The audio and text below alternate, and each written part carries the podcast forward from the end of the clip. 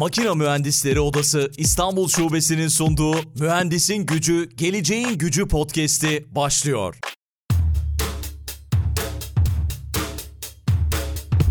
Mühendisin Gücü, Geleceğin Gücü podcast'inin yeni bölümünden herkese merhaba. Bu bölümde yeşil teknolojiyi konuşacağız. Konuğum uzun zamandır otomotiv sektöründe ve daha çok pazarlama alanında bir profesyonel olarak görev yapıyor. Kendisi de şu anda İngiltere'de. Mustafa Çoban karşımda. Mustafa Bey merhabalar, selamlar, hoş geldiniz. Merhaba Aykut Bey, teşekkür ederim, hoş bulduk.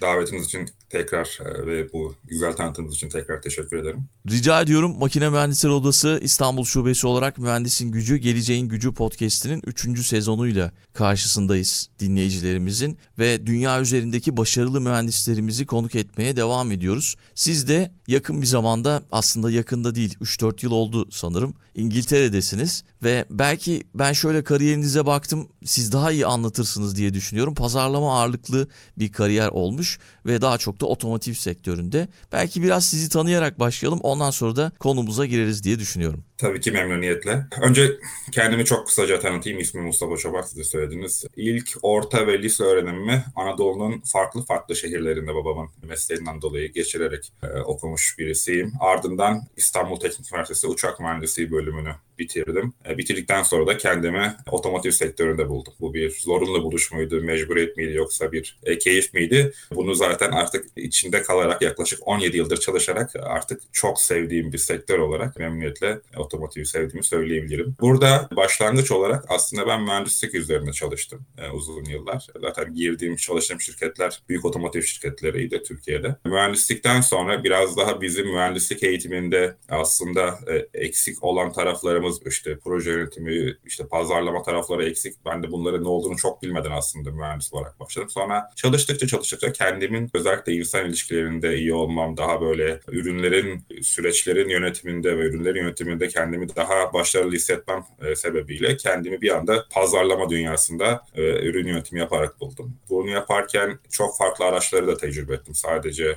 e, şu an içinde en son çalıştığım firma bir kamyon üzerine bir ürün çıkarıyoruz ama onun dışında binek araç, otomobil, e, hafif ticari araçlar, e, otobüslerle de yoğun bir e, çalışmam oldu. Son 6 yıldır özellikle de bu araçlar içine baktığımız zaman elektrikli araçlar üzerine yoğun şekilde bir e, faaliyet yürütüyorum. Bir Türkiye'deyken buraya gelmeden önce Türkiye'deki bir yerli markamızın elektrikli ürün gamının oluşmasında ve Avrupa'da da başarılı pazar lider ürünlerinin çıkmasına da yoğun bir çaba göstermiştim. Pandemi döneminde nasıl ki herkes işte pek çok kişi evden çıkmaya bile çekinirken radikal bir kararla kariyerimi yurt dışında sürdürme kararı aldım. E, şu anda da yaklaşık 2-3 yıldır e, İngiltere'de yaşıyorum. E, şu anda da bir startup dediğimiz bir şirkette elektrikli ve hidrojenli kamyonların geliştirilmesi ve pazara sokulması kapsamında çalışmalarımı sürdürüyorum. Harika gerçekten. Son dönemde de oldukça merak edilen konulardan biri. İşte elektrikli araçların dünya üzerinde çok fazla arttığını biliyoruz. Ben de biliyorsunuz Almanya'dayım ve burada da çok fazla görüyorum ve bu konuda da önemli startuplar var. Mesela Çin'in çok fazla burada yatırımlar yaptığını, daha doğrusu böyle yatırım demeyeyim de şubeler açtığını görüyorum ve sizin startup'ınızda sanırım hidrojen ve elektrikle beraber çalışan bir kamyon üzerine bir çalışma değil mi? Teva yanılmıyorsam değil mi? Aynen. Teva, şirketin ismi Teva. Elektrikli ve hidrojenli iki farklı teknoloji üzerinden çalışan bir firma. Öncelikle şu anda elektrikli modelimizi, batarya elektrikli modelimizi çıkardık. İşte ürün gamında gelecekte de e, bunun hidrojenli range extender dediğimiz işte mesafe uzatan versiyonuyla beraber e, bir daha uzun bir menzil ihtiyacını karşılayacak ürünleri de çıkartmayı hedefliyoruz. Geçtiğimiz günlerde bilmiyorum İngiltere'de de çok sık görüyorsunuzdur. Alışveriş merkezlerine gittiğimizde artık böyle otoparklarda elektrikli araçları şarj etmek için üniteler görüyoruz ve çeşitli çeşitli işte markaların üniteleri. Bununla ilgili LinkedIn'de bir paylaşım yapmıştım gelecekte bunu Türkiye'de de çok fazla göreceğiz diye. Altına da bir tane yorum gelmişti. İşte elektrikli araçların çok da fazla geleceği yok Aykut Bey. İşte hidrojen geliyor gibisinden. Bence hidrojen yakıt daha önemli olacak gibisinden bir yorum gelmişti. Bilmiyorum buna katılıyor musunuz? Ya bu çok derin bir tartışma konusu zaten şu an otomotiv dünyası e, şu aşamada e, bunu e, çok değerlendirme aşamasında. Hidrojen henüz daha teknoloji adaptasyon eğrisi dediğimiz tarafta daha henüz daha innovation tarafında. Şu an daha elektrikli araçlara biraz daha ilginin olduğunu söyleyelim. Özellikle binek araçlar otomobillerde batarya şu anki ihtiyacı karşılayacak noktaya ulaştı. Hatta yeni batarya teknolojileriyle beraber e, daha da e, işte verimli bataryaların gelmesiyle daha uzun benzil, daha az ağırlık oranlarıyla bu ihtiyaç otomobil tarafına giderilecek. Ancak ticari araçlar biraz daha farklı. Yani şehir içi to- araç toplu taşıma araçları, otobüsleri veya hatta urban dediğim urban delivery yapan, e, şehir içi dağıtım yapan kamyonlar, elektrikli araçların bataryalardan yararlanırken daha böyle uzun yol yapacak olan işte bizim tır diye bildiğimiz çekici kamyonlar veya hatta işte tır otobüsü dediğimiz işte şehirler arası otobüs taşımacılığında ise daha ziyade daha fazla enerji ihtiyacı olduğu için hidrojenin gelecekte daha etkin olacağını öngörüyoruz. Tabii bunun için hidrojenin şu anki maliyetleri biraz yukarıda hidrojenin tabii ki şu anki temini de şu anda %98 civarında. Şu an gri hidrojen dediğimiz bir hidrojen üzerine şu an dönüyor. Onda hidrojenin çeşitli renklendirmeleri var. Gri dediğimiz aslında biraz daha işte fosil yakıtın ayrışmasından doğan bir e, hidrojen olarak geliyor. Esas bunun e, gelecekte e, sürdürülebilir olması ve temiz olması için yeşil yeşil hidrojenin uygun maliyetlere inmesini bekliyoruz. E, bu da önümüzdeki 5 yıl içinde bu seviyelere ineceğini öngörüyoruz zaten. E, yani yenilenebilir enerjiden elde edilen rüzgar enerjisi veya da güneş enerjisinden elde edilen elektriğin hidrojene dönüştürülmesiyle aslında biz gelecekte çok daha temiz, çok daha uzun yollara gidebilecek araçları göreceğiz. Ama dediğim gibi otomobil anlamında biraz hidrojenin şu an için yakın en azından önümüzdeki 1-2 yıl içinde e, yüksek bir etkinliği olacağını şahsi olarak öngörmüyorum. Bu konuda zaten bir e, Toyota'nın da bir çalışması oldu Mirai ile. Çok şu an başarılı bir e, uygulama olmadığı için fazla tutunamadı. Ama dediğim gibi önümüzdeki 5 senede hidrojenin hem temininin daha fazla olması hem daha fazla hidrojen santrallerinin kurulmasıyla bu oran artacaktır. Almanya örneği şu an Almanya'da yaklaşık örneğin 100 adet 100'e yakın bir hidrojen dolum istasyonu var. Yani İngiltere'ye baktığımızda karşılaştırmak için söylemek istiyorum. E sadece 5 adet var. Bunun da ancak 3'ü etkin olarak faaliyet gösteriyor. Yani şu anda büyük ülkeler dediğimiz bu ülkelerde bile çok fazla hidrojen şu anlamda temini mümkün hiç fazla gözükmüyor. Bizim buradaki çözümümüz ise daha çok depo bazlı. Örneğin kendi ürünlerimize baktığımızda bizim hedefimiz müşterilerimize hidrojen ihtiyacını depoda çözmek, onlara hidrojeni ayaklarına götürmek ve bu sayede operasyonlarını sağlamalarını hedefliyoruz. Çünkü henüz daha hidrojenin dolum istasyonları istenen seviyeye ulaşmıyor, ulaşmayacak önümüzdeki 5 yıl içinde. O yüzden biz farklı bir iş modeli üzerinden planımızı yapıyoruz. Evet zaten asıl amaç burada sıfır emisyonlu çözümler üretmek herhalde öyle düşünüyorum. Ve hidrojen de uzun yıllardır kullanılıyor. Ve ben de sizin de söylediğiniz gibi Almanya'ya geldiğimde çok fazla şaşırmıştım ki işte ehliyet alacağınız zaman Türkiye'de bile öğretilir o bize tabela hidrojen tabelası onu çok fazla mesela Almanya'da gördüm bir önceki bölümdeki konuğumuz da uzun yıllar hidrojen yakıtı üzerine çalıştığından bahsetmişti ama herkes orada tabii o maliyet konusunu gündeme getirdiği için çok daha fazla işte sizin de söylediğiniz gibi binek araçlarda belki yakın zamanda göremeyeceğimiz bir durum diye düşünüyorum.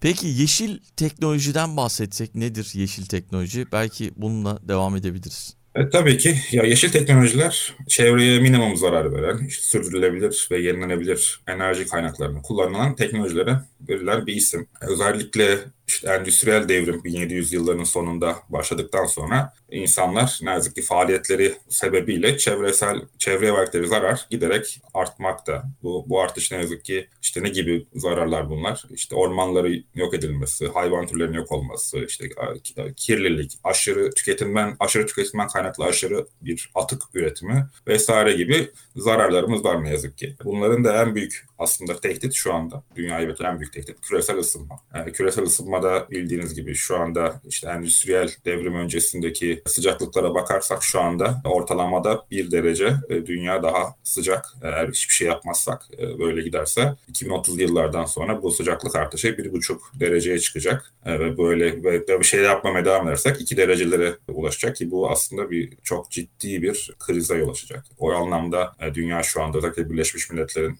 zorlamasıyla, e, koyduğu hedeflerle bir anlamda bunu indirmeye en azından bir buçuk derecede limitlemeye çalışıyor. Bunu indirmesi biraz daha zor ama en azından bir buçuk derece aşmaması için çok farklı çalışmalar şu an yürütülüyor. Bunlar çünkü olmazsa ne olacak? Şu anda hepimiz yaşıyoruz. Özellikle son yıllarda çevresel etkileri çok fazla görmeye başladık. Hava şartlarında değişiklik işte örneğin Türkiye'de bu sene e, benim duyduğum kadarıyla kış gelmiyor. E, ne bileyim yazın işte orman yangınları Yunanistan'ı sildi süpürdü. Evet. Deniz seviyeleri yükseliyor. Buzullar eriyor. İşte bu ekonomik üzerinde işte altyapıya zarar, tarım tarım ürünleri etkileniyor. Kimi taraflar belki verimi artıyor ama üretimi çoğu yerde bir kuraklık, aşırı sıcaklıktan dolayı kuraklık sıkıntıları doğuruyor. Bunları çözmek için ekonomik maliyetler gitgide artıyor. Özellikle ülkemiz üzerine de yani küresel ısınmanın bir diğer etkisi de göç ve istikrarsızlık da aslında bunun bir ne derler yan etkisi. Ülkemiz zaten şu anda düzenli düzensiz mülteci, mültecilerin geldiği bir ülke konumuna geldi. Bu küresel ısınma bunlar da artıracak. Sadece Türkiye için değil tabii ki tüm dünya için şu anda bir göç ve göçün olduğunu görüyoruz. Yani bunlar aslında yeşil teknolojilerin ne kadar önemli olduğunu bize hatırlatıyor. Ne kadar bunlara eğilmemiz gerektiğini hatırlatan konular. Evet iklim değişikliğinin demografik yapıyı da değiştireceğine dair çok fazla konuşulduğunu düşünmüyorum. Bu bahsettiğiniz, değindiğiniz nokta bence önemli. Bu ilerleyen yıllarda çok daha iyi anlayacağımız bir durum haline gelecek herhalde. Kesinlikle aynen öyle. Peki iş dünyası için neden önemli? Yani iş dünyasındaki yeri ve önemi ne yeşil teknolojinin? Belki kısaca bundan bahsedebiliriz. Tabii ki iş dünyası bu özellikle karbon ayak izini azaltma ve sürdürülebilirlik hedefler konusunda büyük bir rol oynuyor. Çünkü esas kaynaklardan bir tanesi iş dünyası. Ulaş, ürettiği karbon. Bu anlamda gene Birleşmiş Milletler'in koyduğu bir hedef var. Bu, bunu da imzalayan yaklaşık şu ana kadar 6000'e yakın şirket buna imza attı. Bunun içinde pek çok Türk şirketi de var. Şimdi şey yapılan iş faaliyetine üç farklı kapsama ayırıyor Birleşmiş Milletler. Birinci kapsamda şirketin kendi fabrikasının işlemesi için gerekli olan ve kendi şirket araçlarının kullanımı birinci kapsama giriyor. İkinci kapsam bu tesislerin çalışması için üretilen elektriğin kaynağı. Üçüncü kapsamda bunun haricindeki her şey. Yani işte bir ürün üretilecekse eğer ürünün işte ham maddenin geldiği yerdeki karbon üretimi, onların işte bir o, o ürünün ham maddenin ya da yarı mamulün şirkete işte fabrikaya gelirken ki lojistik sırasında üretilen karbon emisyonu gibi bir işin bu şirkete gelirken ki olan emisyon tarafı var. Bir de buradan ürün oluşturduktan sonra işte dağıtım ağındaki işte gene bir lojistik emisyonu ve işte bir örneğin end of life dediğimiz ürün sonu olan ürünün nihai ömrünü tamamladıktan sonra ortaya çıkan emisyonlar Bunlar da scope 3'e giriyor, kapsam 3'e giriyor. Şimdi Birleşmiş Milletler'e bu imza veren şirketlerin özellikle birinci ve ikinci kapsamdaki yani kendi şirket araçları, kendi şirket faaliyetleri ve şirket için kullandıkları elektriklerin net zero dediğimiz kapsamda nötrleştirilmesi için hedefledikleri genel olarak 2030 hedeflediler. Diğer kapsam dediğimiz kapsam 3'teki faaliyetlerin tamamlaması için hedef genel olarak 2050'ye tariflendi. Yani eğer ki bunu daha fazla ne kadar çok şirket bunu imzalarsa, buna uyacağını taahhüt ederse biz o kadar çabuk en esasında bu küresel ısınmayı en azından yavaşlatabiliriz. Bunu söyleyebilirim. Burada şirketlerin bunu yaparak hani ne, ne, ne gibi bir fayda sağlayacaklara değinmek gerekiyor. Özellikle evet. şu anda günümüzde CSR dediğimiz kurumsal sosyal sorumluluk projelerinin en önemli ayaklarından bir tanesini oluşturuyor bu Birleşmiş Milletler'in koyduğu bu net sıfır, net zero. Hedefi diyelim. Onun haricinde tabii ki bunu yapmak sadece hani çevreye fayda sağlamaktan öte aslında bir anlamda tasarruf da imkanı da sağlıyor. Özellikle verimli teknolojilerin kullanılması, işte bugün bir elektrikli araç kullandığınızda, özellikle bir şirket aracınızı elektrikliye çevirdiğinizde aslında çok ciddi de bir masrafta azalmaya gidiyorsunuz. Onun dışında yasalara uyum sağlamış oluyorsunuz. İşte ben yani tecrübemi aktarmak istersem yani otobüs, elektrikli otobüslerde örneğin artık gördüğümüz işte belediyelerin şehir içlerinde özellikle sadece elektrikli araçlar artık kullanmak istedikleri etkilerini görüyoruz. Yani buna uyum sağlayacak bir markaysanız, bir ürününüz varsa e, çok rahatlıkla buradaki e, işinizi yapabiliyorsunuz. E, gene size yeşil teknoloji yatırım yapan bir şirketseniz bu sizi pazarda farklılaştırıyor. Yani bir e, ticari bir avantaja, rekabetsel bir avantaja doğuruyor. Müşteriler çünkü özellikle Batı dünyasında belki ülkemiz biraz daha bu konuda geriden geliyor ama Batı dünyasında şu anda baktığımız zaman artık her şeyin işte e, çevre bilincinde, işte yeşil teknolojilerin kullanılarak üretildiği, işte geri dönüşümün maksimize olduğu ürünlere daha fazla bir talep oluşmaya başladı pazarlarda.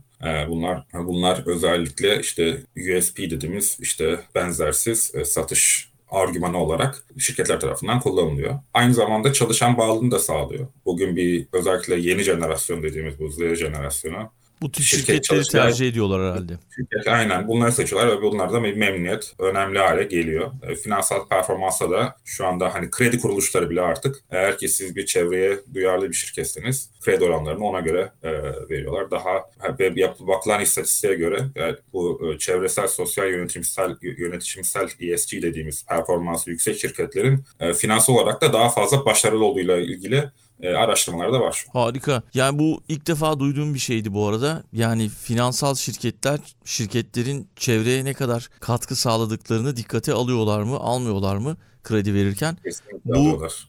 Yani evet belki ülkemizde de dikkat edilmesi gereken bir durum. Tabii burada belki devletlerin belli teşvikleri olabilir bu konuda. Yani böyle şirketlere biraz daha öncelik tanıyın diyebilir. Bilmiyorum tabii yani. Ya Şirket politikasıyla da alakalı tabii.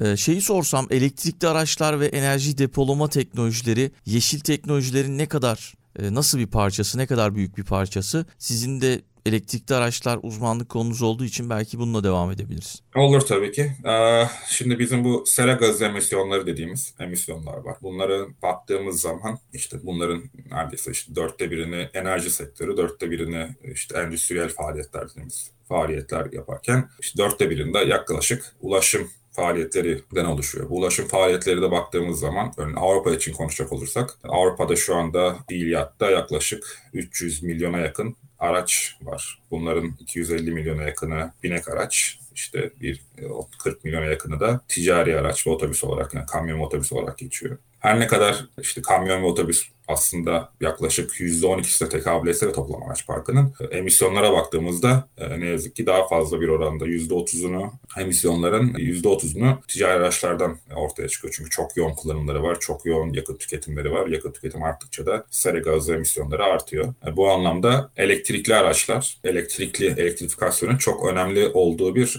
duruma doğru geliyoruz. E, Biz yani dörtte bir çok ciddi bir oran toplamda. Hem e, bir otomobillerde hem ticari araçlarda ve olabildiğince elektrikli araçlara dönüşümün gerek. Elektrikli derken bu arada hepsini kastediyorum. Sadece batarya elektrikli değil, batarya, hidrojen, işte güneş enerjisiyle çalışan e, araçlar e, vesaire. Yani hangi e, fırsat varsa bunların mutlaka değerlendirilmesi ve gerekli yatırıma yapılması gerekiyor. Enerjide önemli sıkıntı, özellikle yenilenebilir enerjinin en büyük sıkıntısı depolama alanında. E, bu anlamda da enerji depolama önemli bir teknoloji. Bu, bu vote. Özellikle iyileşen pil kim, kim- kimyası sayesinde e, hem elektrikli araçlara bir katkı sağlamaya başladı hem de şu anda enerji depolama teknolojileriyle isterseniz kendi evinizi, e, kendi en- enerjinizi depolayabilirsiniz. İsterseniz ya da bunu sanayi daha endüstriyel çapta büyük bir depolama alanına çevirebilirsiniz. Ya da işte bu depolamak yerine bunu hidrojene artan arta kalan bu enerjiyi hidrojene çevirip depolayabilirsiniz. Bu anlamda da teknolojiler şu anda e, önemli bir yer kat ediyorlar. Şu anda çok büyük e, firmaların hata var. Burada biraz aslında şeyi görüyoruz. E, bu bizim o big OEM dediğimiz e, büyük otomotiv markalarının ne yazık ki bu konuya çok geriden geldiğini görüyoruz. İşte otomobil tarafında bu işi Tesla çıkarak domine etmeye başladı. Tesla çıkana kadar ne yazık ki çok fazla ciddiye alınmıyordu elektrikli araçlar. Evet. Hani daha böyle konsept tarz araçlar vardı. Daha pahalı, halkın erişemeyeceği fiyatlarda, daha niş ürünlerde gidiyordu. Tesla bu alanda büyük çığır açtı. Ardından şu an işte Çin'in çok büyük yatırımları var. Çin'in çok büyük e, teşvikleri, yatırımları var. Kendi içlerinde özellikle bu konuyu belki ileride yine konuşacağız ama dışa bağımlılığı azaltmak için elektrikli araçlara çok fazla yöneldiler. O yüzden şu an pek çok marka çıktı. Zaten batarya üreticisi oldukları için aynı zamanda teknolojiyi işte bir e, bir, bir nihai ürüne bitirmeleri, erdirmeleri ve işte otomobil, e, kamyon, otobüs gibi e, araçları yapmaları çok daha kolaylaştı. O yüzden çok fazla faaliyetlerin arttığını görüyoruz. Hem Çin'de zaten çok güçlü bir elektriksel dönüşüm var. Çin'deki otobüslerin neredeyse %90 elektrikli şu anda. E, oradaki teknolojiyi şu anda Avrupa'ya getiriyorlar. Avrupa'da otobüs tarafında özellikle faaliyetleri işte Amerika'da, Güney Amerika ve Kuzey Amerika'da iki tarafta da güneyde çok daha fazla olmak üzere faaliyetleri değişerek artıyor. Gene işte startuplar, benim çalıştığım şirket gibi startuplarda özellikle ticari araç tarafında e, tekrar bu çalışmaları hızlandırmaya başlıyorlar. E, çünkü büyük gene işte kamyon firmaları konuşacak olursak onlar da şu an çok ya bir iki firma haricinde diğerleri şu anda hala içten yanmalı motorları e, övmeye devam ediyor. Hatta daha iki gün önce bir büyük firmanın gene bir lansman oldu. Tekrar işte yeni işte yeni motorunun dizel motorunu lansmanını yaptı 2023 senesinde ve buna için ciddi bir paralar harcayarak bir lansman faaliyeti yürütüyor şu anda. Yani bunlara baktığımızda aslında hala büyük markaların daha içten yanmalı motorları bir süre daha portföylerine tutacaklarını görüyoruz. Ne yazık ki çalış, daha çok çalışmamız gerekiyor dünyamızın geleceği için. Evet kesinlikle öyle. Türkiye'nin de herhalde böyle bir batarya tarafında kendisini geliştirmesi ve bu konuda bir misyon edinmesi gerekiyor gibi bir izlenimim var. Daha doğrusu böyle bir şeyi misyon edinmiş gibi gözüktü ama birkaç böyle fabrika deneyimi olacaktı da ki olmaya başladı ama o konuda da herhalde bir geri adım atıldı. Şimdi ben de gelişmeleri takip ediyorum Türkiye'deki gelişmeleri.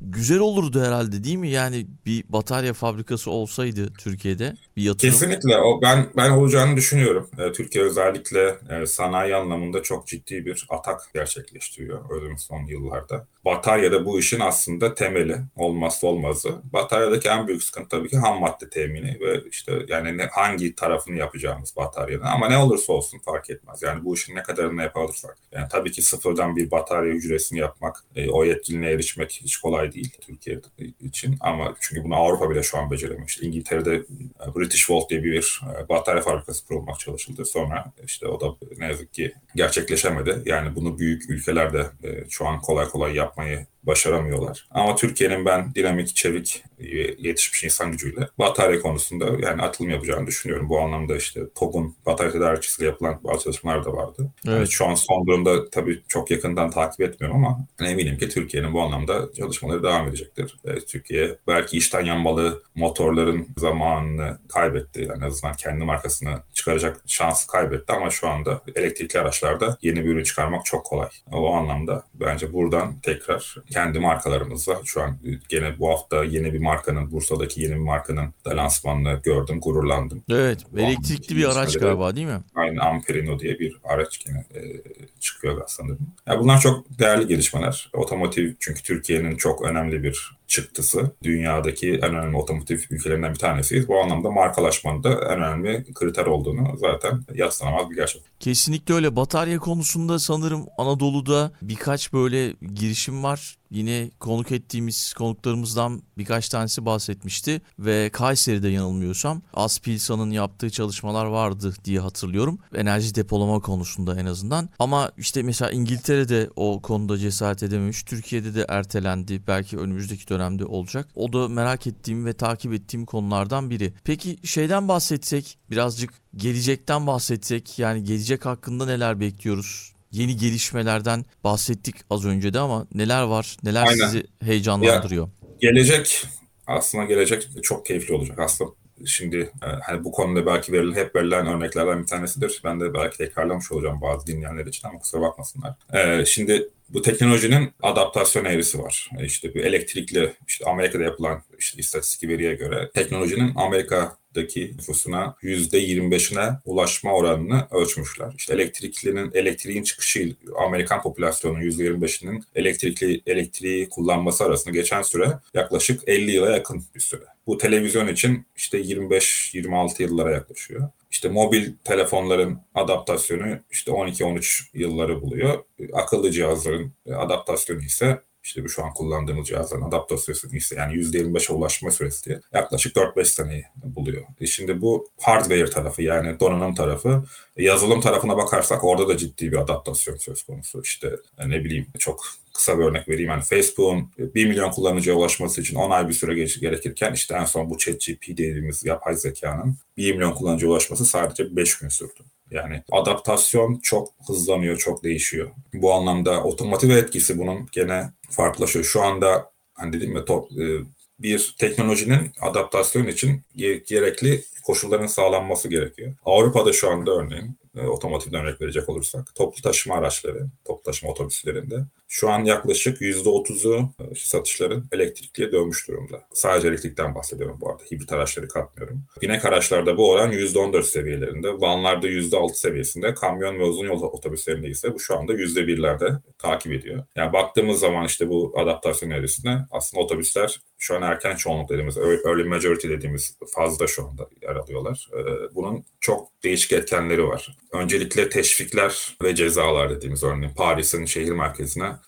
elektrikli araç 2025'ten sonra sadece elektrikli araçlar girebilecekler. Bunun gibi işte Hamburg'da gene böyle bir hedefler var. Avrupa'nın farklı farklı büyük şehirlerinde. Bir yandan da teşvikler de var. Bir yandan işte Avrupa Birliği teşvikleri, lokal yerel hükümet destekleri. E, bunları çok de sağladığı için elektrikli bir e, toplu taşıma alanından bahsedebiliyoruz artık. Elektrikli binek araçlarda ise şu an bazı ülkelerde destekler var. Bazı ülkeler desteklerini geri çekiyorlar. Hani destekler ileride azalacaklar ama artık yavaş yavaş teknolojinin farkındalığı, adaptasyonu iyice arttı. Şimdi bir insan gerek bir şahıs için gerekse bir şirket için aslında önemli şey burada. Toplam kullanım maliyeti. Yani ben ne kadar çevresel bilincimiz artmış olsa da şirket ya da bir şahıs olarak aslında hepimizin ilk baktığı yer aslında cebimiz. Yani cebimden ben ne kadar para vereceğim, ne kadar para harcayacağım. Karşılığında ben zararda mıyım, karda mıyım? Hani bu teknolojiye geçersem. Şu an teşvikler sayesinde yürüyen bir teknoloji şu an var ama önüm, özellikle önümüzdeki 3-4 yıl içinde e, batarya fiyatlarının azalması, elektrik işte iş enerjinin artması, elektrik fiyatlarının azalması vesaire vesaire sayesinde özellikle toplam kullanım maliyetinde azalmaya giderek e, tüm otomotiv sektörlerinde ciddi bir elektrifikasyona doğru e, gideceğini görüyorum. E, şimdi hidrojenin oluşması için dediğim gibi elektrik şu anda temiz hidrojen için elektrik kullanılması gerekiyor.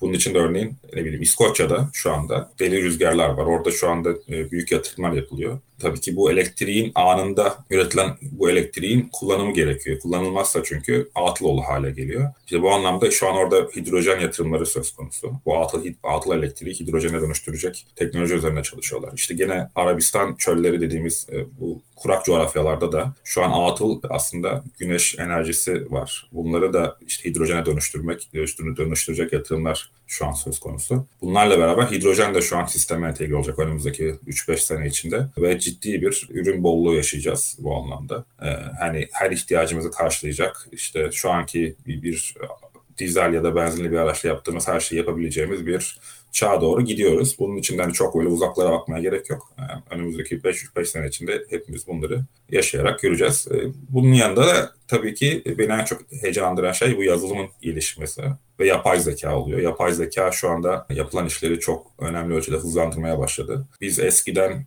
bir işte otomobil için 60 aylık bir geliştirme süresini öngörürken şu anda geliştirme süreleri işte 2 yıllara 24 aylara düşmeye başladı. Bu daha da işte gelişen yazılım ve yapay zeka bu daha da düşecek. E, bu da bizi daha hızlı, daha verimli, daha iyi teknolojiye doğru götürecek. Tabii biz bu bölümde şimdi yeşil teknolojiyi konuşuyoruz ama daha çok böyle elektrikli araçlar odaklı gittik. Yeşil teknoloji dediğimizde sürdürülebilir tarımı konuşabiliriz, karbon yakalamayı, geri dönüşümü, işte onun dışında alternatif enerjileri de konuşabiliriz. Sizin uzmanlık alanınız elektrikli araçlar olduğu için tabii ki daha elektrikli araçlar odaklı gittik. Çok değerli bilgilerdi hepsi. Ve tabii ki güneş enerjisi de çok önemli. O da en ucuzu herhalde bu enerjinin diye düşünüyorum. Bu teknolojinin benimsenmesi de biraz zaman alacak. Sizin de söylediğiniz gibi. Son olarak belki şunu sorabilirim. Odalar hakkında ne düşünüyorsunuz? Odaların önemi hakkında ne düşünüyorsunuz? Bir toplulukla ya da odayla bağınız var mı? İngiltere'de durum nasıl? Gittiğinizde Türkiye'den farklı olarak neler gördünüz? Belki bunlardan bahsedebiliriz. Tabii ki. Ben öğrencilik yıllarımda değil ama sonrasında profesyonel hayatımda mühendisler odasının üyesi oldum. İş gereği bir e, imza, tip onaylara imza atmam gerektiği için e, bir iki üç sene üyeliğim vardı. E, odalar hakkında bence yani odalar çok önemli platformlar. Mühendis odaları, mühendislerin mesleki gelişimleri ve topluluk içindeki etkileşim, etkileşimleri için önemli önemli kurumlar. Şu anda Türkiye'deki son güncel durum bilmiyorum ama hani ben baktığım zaman mühendis odalarının sürekli kendini bir evrim geçirmesi ve üyelerine yenilik çözümler sunması gerektiğini düşünüyorum. Kendi deneyimimi bakacak olursam eğer hani belki ben hani şey yararlanan odanın faaliyetlerine yararlanan tanıdıklarım olduğu kadar aslında büyük bir çoğunluk tanıdığım arkadaşlar özellikle okurken biz okurken hani oda faaliyetlerinden çok haberdar değildik. Ben burada hani özellikle odalardan beklentim öğrencilik sonrasındaki süreçlerde de mühendislerin etkin katılımını sağlam, sağlamalarını gerektiğini düşünüyorum. Tabii bu tek taraflı olamaz. Çift taraflı çabayla mümkün. Ne bileyim sanayiyle daha fazla bir işbirliği olması gerekiyor. Burada durum tabii ki çok daha farklı. Burada yani bir odaya er, gerçek anlamda bir mühendislik yapacaksanız odaya tabi olmanız gerekiyor. İmza yetkinizin olması için. Yetkin, bizdeki yetkin mühendislik tartışmaları vardı bir ara. Sanırım şu anda hala tamamı kapsamıyor. İTÜ sanırım bu anlamda bir yetkin mühendislik sınavı yapıyor. Ama bir yetkin bir mühendisliğin gerektiğini düşünüyorum. Özellikle işte bu felaketlerden sonra odaların önemini tekrar tekrar hatırlıyoruz. En son Hatay felaketinden sonra işte oradaki kalan, ayakta kalan mühendislik odasının binasını hatırlıyorum şu anda. Odalar önemi yatsınamaz. Ne yazık ülkemizde bunun biraz daha hem regülasyonlarla gerekli yetkilerin sorumluluğun verilmesi gerekiyor hem de odanın daha aktif hale gelmesi gerektiğini düşünüyorum. Hani bu anlamda da kendine açısane diğer bir baktığım odaya bakıyorum. Hani eşimin odasına baktığımda kendisi diş hekimliği odasına kayıtlı. Onların tabii ki regüle bir meslek olmasından dolayı odanın çok büyük faaliyetlerde olduğunu görüyorum. Yani mesleğin yapılması anlamında, kontrolü anlamında ve üyelerin birbirleriyle olan etkileşiminin sağlaması açısından yani çok daha aktif bir oda e, görünümü çizdi bende. Hani bir kıyas açısından yapabiliyorum bunu sadece. Tabii ki regüle bir e, oda olmasının getirdiği avantajlar var. E, mühendislik odasında neden buralara gelmesin, neden daha fazla etkin olmasın e, konusunda düşüncelerim var tabii ki. Peki. Çok çok teşekkür ediyorum. Mustafa Bey bu bölümde konuk olduğunuz için çok değerli bir yayın oldu. Ben çok, teşekkür çok ederim. Aykut Bey bu fırsatı sunduğunuz için. Çok sağ olun. Tekrar buluşmak üzere. Teşekkürler, kolay gelsin. O zaman son sözü size bırakıyorum. Mühendisin gücü, geleceğin gücü.